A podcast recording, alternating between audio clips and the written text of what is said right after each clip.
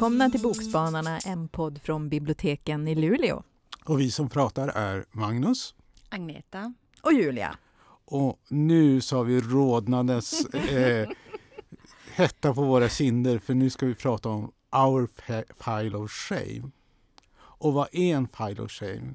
Jo, det är ju naturligtvis en hög med böcker som man ska läsa men som av någon annan anledning aldrig gör. Har du någon pile of shame, Agneta? Ja, alltså... Jag har, en, jag har ju jag har flera piles of shame eftersom jag har en stu är så lyckligt lottad så att jag har en stuga också. Så där har jag en pile of shame och så har jag en pile of shame hemma. Eh, och jag tror ju att de flesta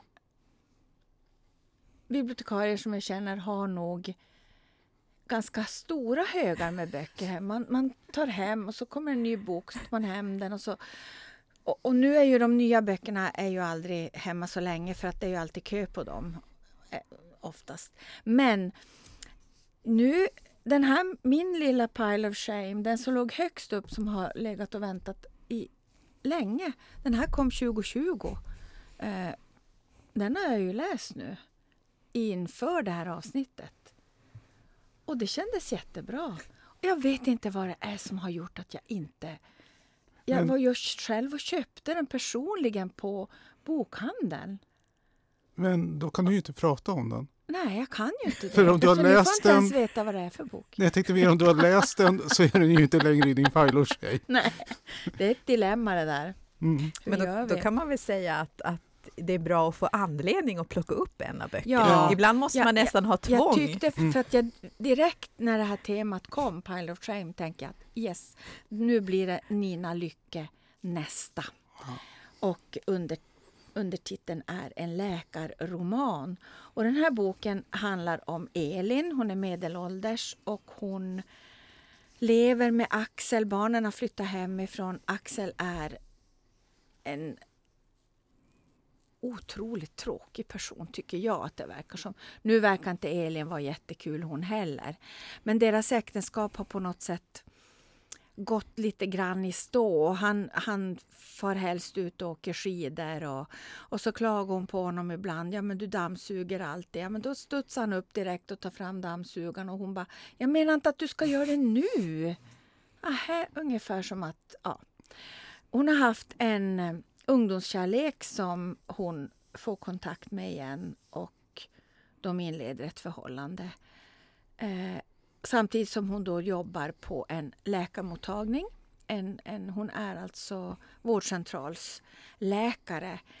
Men med kanske lite för vass tunga för hon säger ofta till sina patienter vad många läkare kanske innerst inne skulle vilja säga. Att men sluta klaga. Det här är det här är ingenting, det här är, ja, du är typ bara hypokondrisk eller sådär. Så att hon får ganska många klagomål. Bland annat så kommer det ett par, ett äldre par, de har alltså fem barn sedan tidigare tillsammans. Kvinnan är, jag tror att hon var närmare 50 och karln är över 50. Och de har bestämt sig för att de vill ha ett litet klisterbarn. Alltså ett, ett barn som de ska klistra ihop sina andra familjer med. Oh, oh. Ja, många säger ju kärleksbarn, men, men för mig är det ju... Alla barn är väl kärleksbarn en gång i tiden, får man hoppas. Men jag tycker att klisterbarn är ett bra uttryck för att det är ju egentligen det det handlar om. De vill klistra ihop sina olika familjer. Jag tycker det låter lite cyniskt. Ja, det låter cyniskt, men sån är jag. Eh, och, och Elin. Nej, men hon mm. säger inte uttrycket, men hon säger däremot till dem att nej, men, det här tycker jag... För att de vill nämligen göra en eh, Eh, fertilitetsutredning eller något sånt där eh, och menar på att det är ingen idé att ni gör det för att ni är för gamla. Och de blir ju jätteupprörda. För hon menar på innan det här är färdigt så är du över 50 och du är si och så gammal och det är liksom, ja. Så att hon får klagomål. Men hon har ju en hon har någon att prata med och det är det här skelettet som står i ett hörn av hennes undersökningsrum. Och han, han, skelettet blir liksom hennes förtrogna som hon då pratar med mellan varven.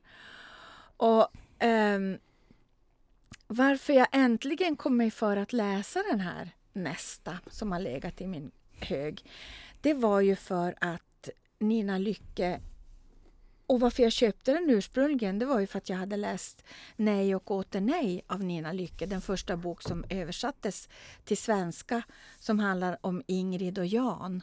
Och jag är ju team Ingrid, hon är lärare och Jan är någon slags byråkrat och får mot alla odds bli han befordrad.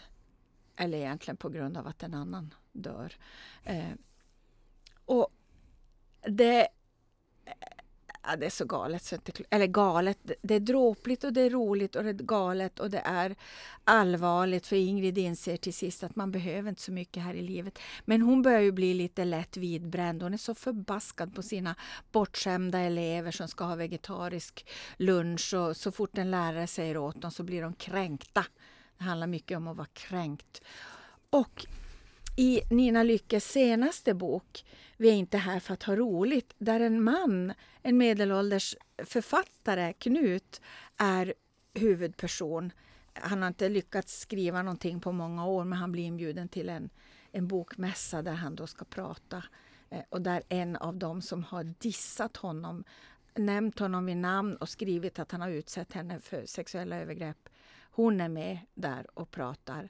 Eh, så det här är lite, lite metoo fast tvärtom. Och här finns Hanne från Nej och åter nej med. För att hon har nämligen varit sambo med Knut i den här boken. Och då tänkte jag, nej men det här passar ju perfekt. Pile of shame, nu läser jag nästa och så kollar jag om någon av de här karaktärerna finns med även i den boken. Nu fanns de inte det, men nu har jag läst den i alla fall. Så att, ja, men jag rekommenderar absolut nästa av Nina Lycke, en läkarroman. Och den borde jag ju ha läst tidigare, men nu är den läst i alla fall. Mm. Jag tror att våran file of shame blir lite högre där efter den här rekommendationen.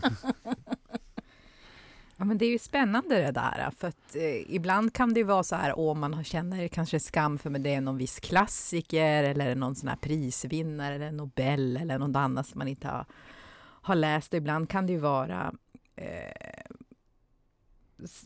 presenter man har fått, tänker mm. jag, för det är en sån bok som jag inte har läst. för att jag läste ju första boken i Hilary Mantells historiska serie om Thomas Cromwell Wolf Hall när den kom 2009 och jag gillar den jättemycket. Så till nästa födelsedag så tänkte jag, ja men jag kan önska mig en till bok av Hilary Mantel. Eh, och då fick jag en sån här pocketversion med alla tre böcker i, i hennes sån här historiska trilogi om franska revolutionen på engelska. Och den heter då eh, Place of Greater Safety. Mm. Eller på svenska då Frihet, jämlikhet och broderskap. Och då är det som tre böcker. En heter Frihet, en heter Jämlikhet, en heter Broderskap. Just det. Eh, och eh, den här boken fick jag för tio år sedan. och den står fortfarande i hyllan hemma. Eh, och jag har rensat i omgångar, som jag brukar göra. Men jag har som inte gjort mig av med den här. och då tänkte jag, ja men det måste, måste väl betyda att jag vill läsa den. Och då tänkte jag, okej, okay, men nu ska jag göra så här. Nu ska jag läsa de första 50 sidorna och se, ska, ska jag ge det ett till försök eller ska jag liksom acceptera att den här boken kommer jag aldrig vilja läsa? Även om jag fick den i present. Eh, så den här romanen handlar om tre unga män som alla befinner sig i Paris 1789 i starten av franska revolutionen. Vi har Georges Jacques Danton, ivrig, full av energi med stora skulder. Maximilien Robespierre, liten, flitig och livrädd för våld. Och Camille Desmoulins, Retorisk geni, charmig och stilig, men även oberäknelig och opolitlig. Och de här männen då är liksom i, mitt i center av franska revolutionen. De får smak på makt och det får förödande följder. Alltså den mörka baksidan av revolutionens ideal släpps lös och de får uppleva konsekvenserna av det här. Eh, och vad tyckte jag då efter de här första 50 sidorna? Ja. Ja, det börjar ju med en lång lista på karaktärer som är med och hur de hänger ihop och sen en karta över revolutionens Paris. Så mm. redan där känner man ju okej, okay, det här är liksom seriöst. Um, och den grep tag i mig faktiskt, berättelsen, och jag tänkte så här bara, det rullade på liksom ganska lätt de här 50 sidorna. Så det känns som att den, den kommer fortfarande få stå kvar. Och nästa gång jag får feeling på historisk roman, då tänker jag att jag ska plocka fram den och läsa. Och jag får väl avlägga rapport sen då. Ja. Vi ser fram hur, emot hur det. det gick.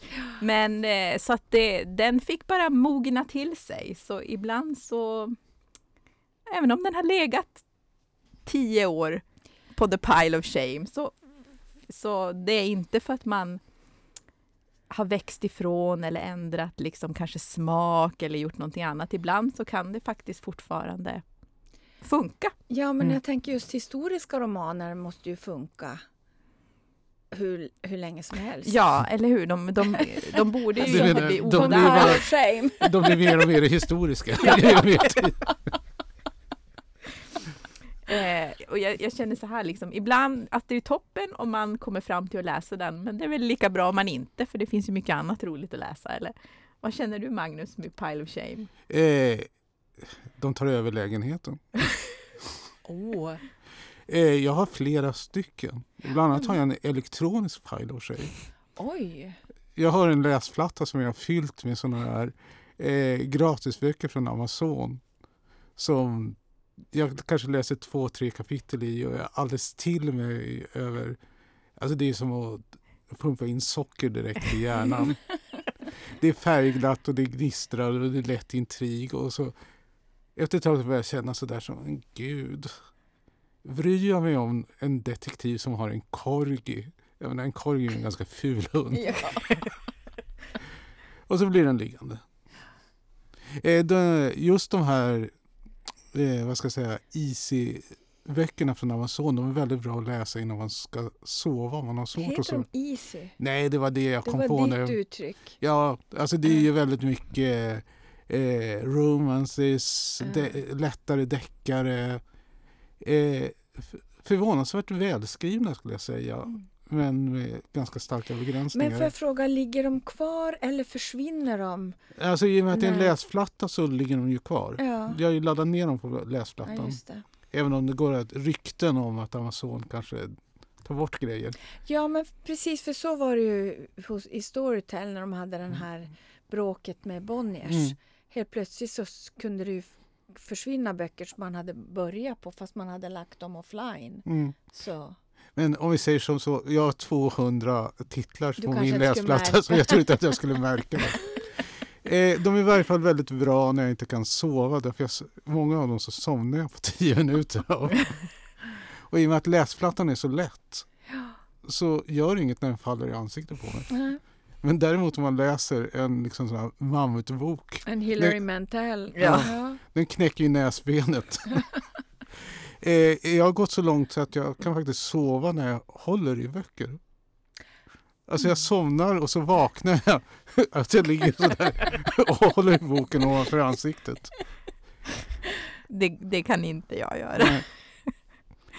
Eh, men varför saker hamnar i min file of shame? Det hemska är, många hamnar ju på grund av fontstorleken. Alltså böcker som jag verkligen vill läsa och så öppnar jag dem och så tänker jag, nej, det här går ju liksom inte. Men det kan jag känna igen, Ja. alltså storlek, alltså om, om, om det är väldigt, Små Väldigt- fonter. Och, ja, smala marginaler. Eh, Mm. Och som boken också, ett konstigt format. mm. Men man kan ju inte slänga dem ändå. Jag menar, Jag lämnar tillbaka den till biblioteket.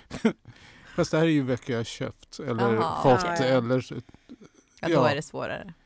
Som med min då. Det är också sådär pile of shame. Jag har böcker som jag inte vet var de kommer, kommer ifrån. Så antagligen så är det så att jag går upp på nätterna och stjäl böcker från... ja, så kan det vara. Spännande. Mm. Men den största anledningen att böcker hamnar i pile of shame det är någon slags missriktad ambition från min sida. Jag blir intresserad av böcker som jag kanske saknar förutsättningen eller tålamodet att läsa. Som sådana där som plats, kön och klass i 1800-talets sena samhälle. Mm. Och en av de böckerna som verkligen har överträffat min koncentrationsförmåga det är den gyllene grenen Studier, magi och religion av James G. Fra- Fraser. Och den varianten jag har det är en sån där 800 sidor fylld med eh, beskrivning av olika folkseder. James G. Fraser han levde i slutet av 1800-talet. Och eh, han ansåg liksom att eh, man kunde så här, evolutionistiskt följa myter. Alltså det börjar med att det var eh, vidskepelse. Och vidskepelse det är när folk är rädda att det åskar och då börjar de sätta ut gåvor någonstans. Och sen eh, blev det religion av det. Och det eh, är när någon har insett att okej, okay, folk är rädda när det åskar, då sätter de ut gåvor. Men då kan de ge dem till mig. Och så säger jag att jag skyddar er. Och ni ger mig de här grejerna. Och så finns det vetenskap. Och det är ju det stadiet som Fraser stå, står för. När man tar alla myter, tar alla religioner och så lägger man dem på en hög i någon slags pile of shame. Och så sorterar man dem efter utseende och så får man ett sånt här mönster. Mm. Och problemet med det här sättet att tänka det var ju att han i hans första upplagor så drog han slutsatsen alltså att kristendomen och offrandet av Jesus det är liksom bara en lång utveckling av originalreligionen. Och enligt honom så var originalreligionen en eh, träd vid något som kallas för Dianas eh, svegel, som är en sjö i Italien. Och I trädet så hängde en gyllene gren och nedanför så satt en man som vaktade den. Mm. Och det enda han egentligen kunde vänta på, det, förutom att han då fick mat av lokalbefolkningen, det var att det kom någon och slog ihjäl honom och fortsatte att vakta. Ja. Och det här blev ju inte så populärt så i, i de reviderande eh, upplagorna av Den gyllene grenen så hoppar Fraser över det här med kopplingen till kristendomen. Mm. Och Anledningen att jag tycker att den är värd att läsa, jag har bara läst 400 sidor av den. Jag kollar faktiskt. Bara 400 sidor? eh, jag har fortfarande sånt där lite tjusigt bokmärke. Naturligtvis har jag inte vikt hörnet. Nej, det får man inte nej. göra. Nej, nej. På sida 444 och det är mitt liksom eh, bland egyptiska fertilitetsriter. Vilket är väl lite hemskt eftersom jag läste igenom alla sidor med, med människooffer då, som finns innan. Eh, men Fraser arbetar då med den här abstraktionen. Alltså att först har man en person som man offrar för att hålla eh, jämvikten. Sen börjar man liksom klä ut något. Som en majstång mm. eller liksom en figur. Alltså det blir ett substitut som man offrar mm. för att hålla jämvikten. Och så fortsätter det sådär fram till Jesus. Eh, det som jag gillar i den här boken det är ju han har attityd. Han börjar liksom med att berätta hur, vilket modernt samhälle han är, hur modern han är. Han sitter här i sin sköna länfåtölj. Han är ju britt så det är lite sådär hobbitkänsla. Mm. Framför den öppna spisen och tänker på hur hemskt det var för de primitiva romarna som hade takfönster och eh, värmeslingor i väggarna. Och det är liksom där som, ja, det kanske är bättre än British plumbing. Ja.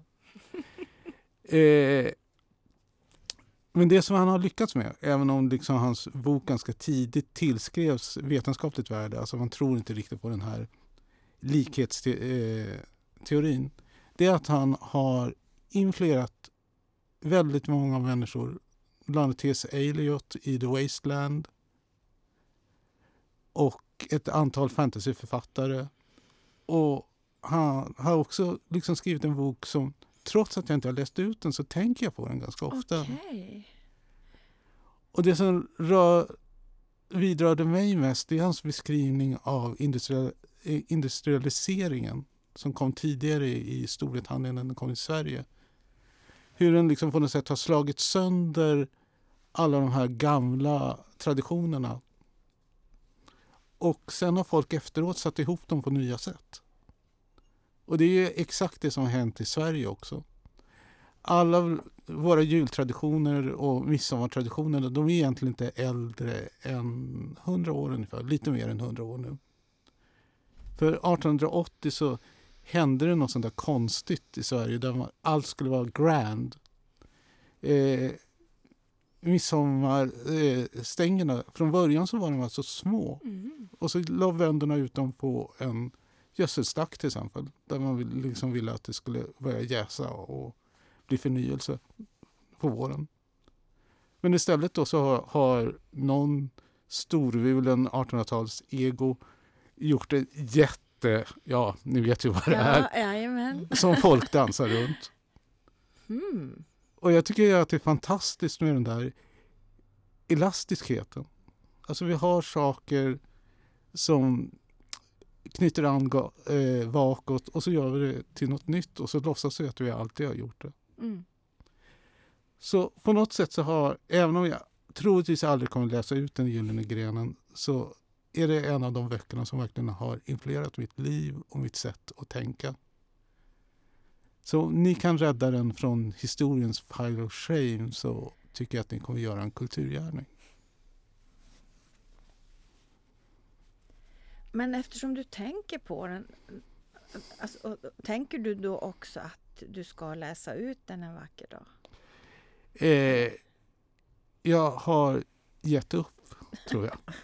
Nej, men alltså det är sådär, anledningen att jag har en massa böcker som på något sätt ligger bortom det jag är intresserad av, det är egentligen att jag tycker det, det är så man ska läsa. Om jag stöter på en bok som jag känner till allt innan, som finns i den boken, Mm. då är det inte en speciellt intressant bok. Nej.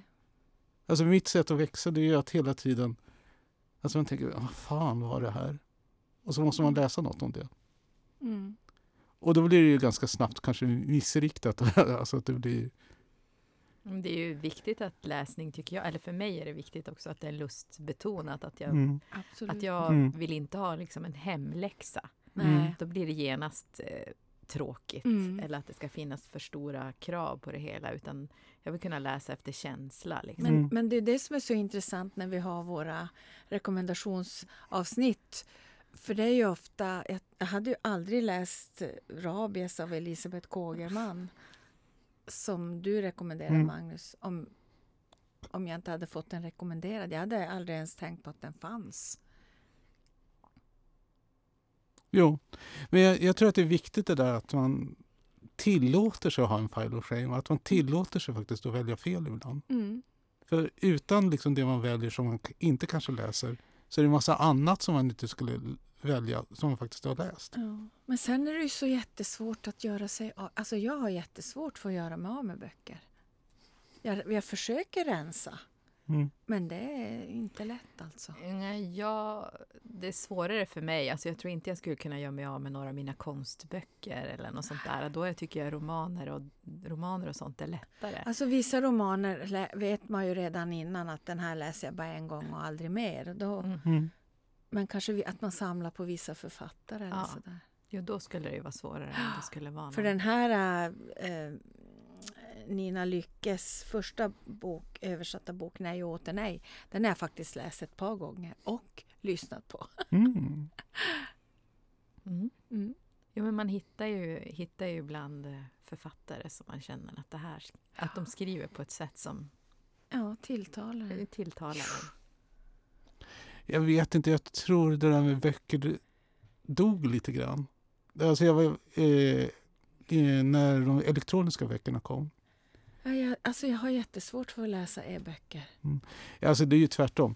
Eh, folk har ju inte e-böcker, eller i varje fall de tidiga generationerna, för att eh, läsa dem. Utan för att bära runt på dem. Alltså när man tittar sådana här forum om folk som hade läsplattor så var det sådär som Wow, äntligen så kan jag ha de 300 bästa böckerna med mig i fickan. Aha! Och det Ja, var, det är ju en, en helt annan jo, grej. men då hamnar man Ja. ganska snabbt i baksmällan. Ja. För om du helt plötsligt har de 600 böckerna eller de 1200 böckerna så börjar man tänka, nu är jag 35 år eller 45 år. Mm. Om jag läser en bok om dagen, Mm.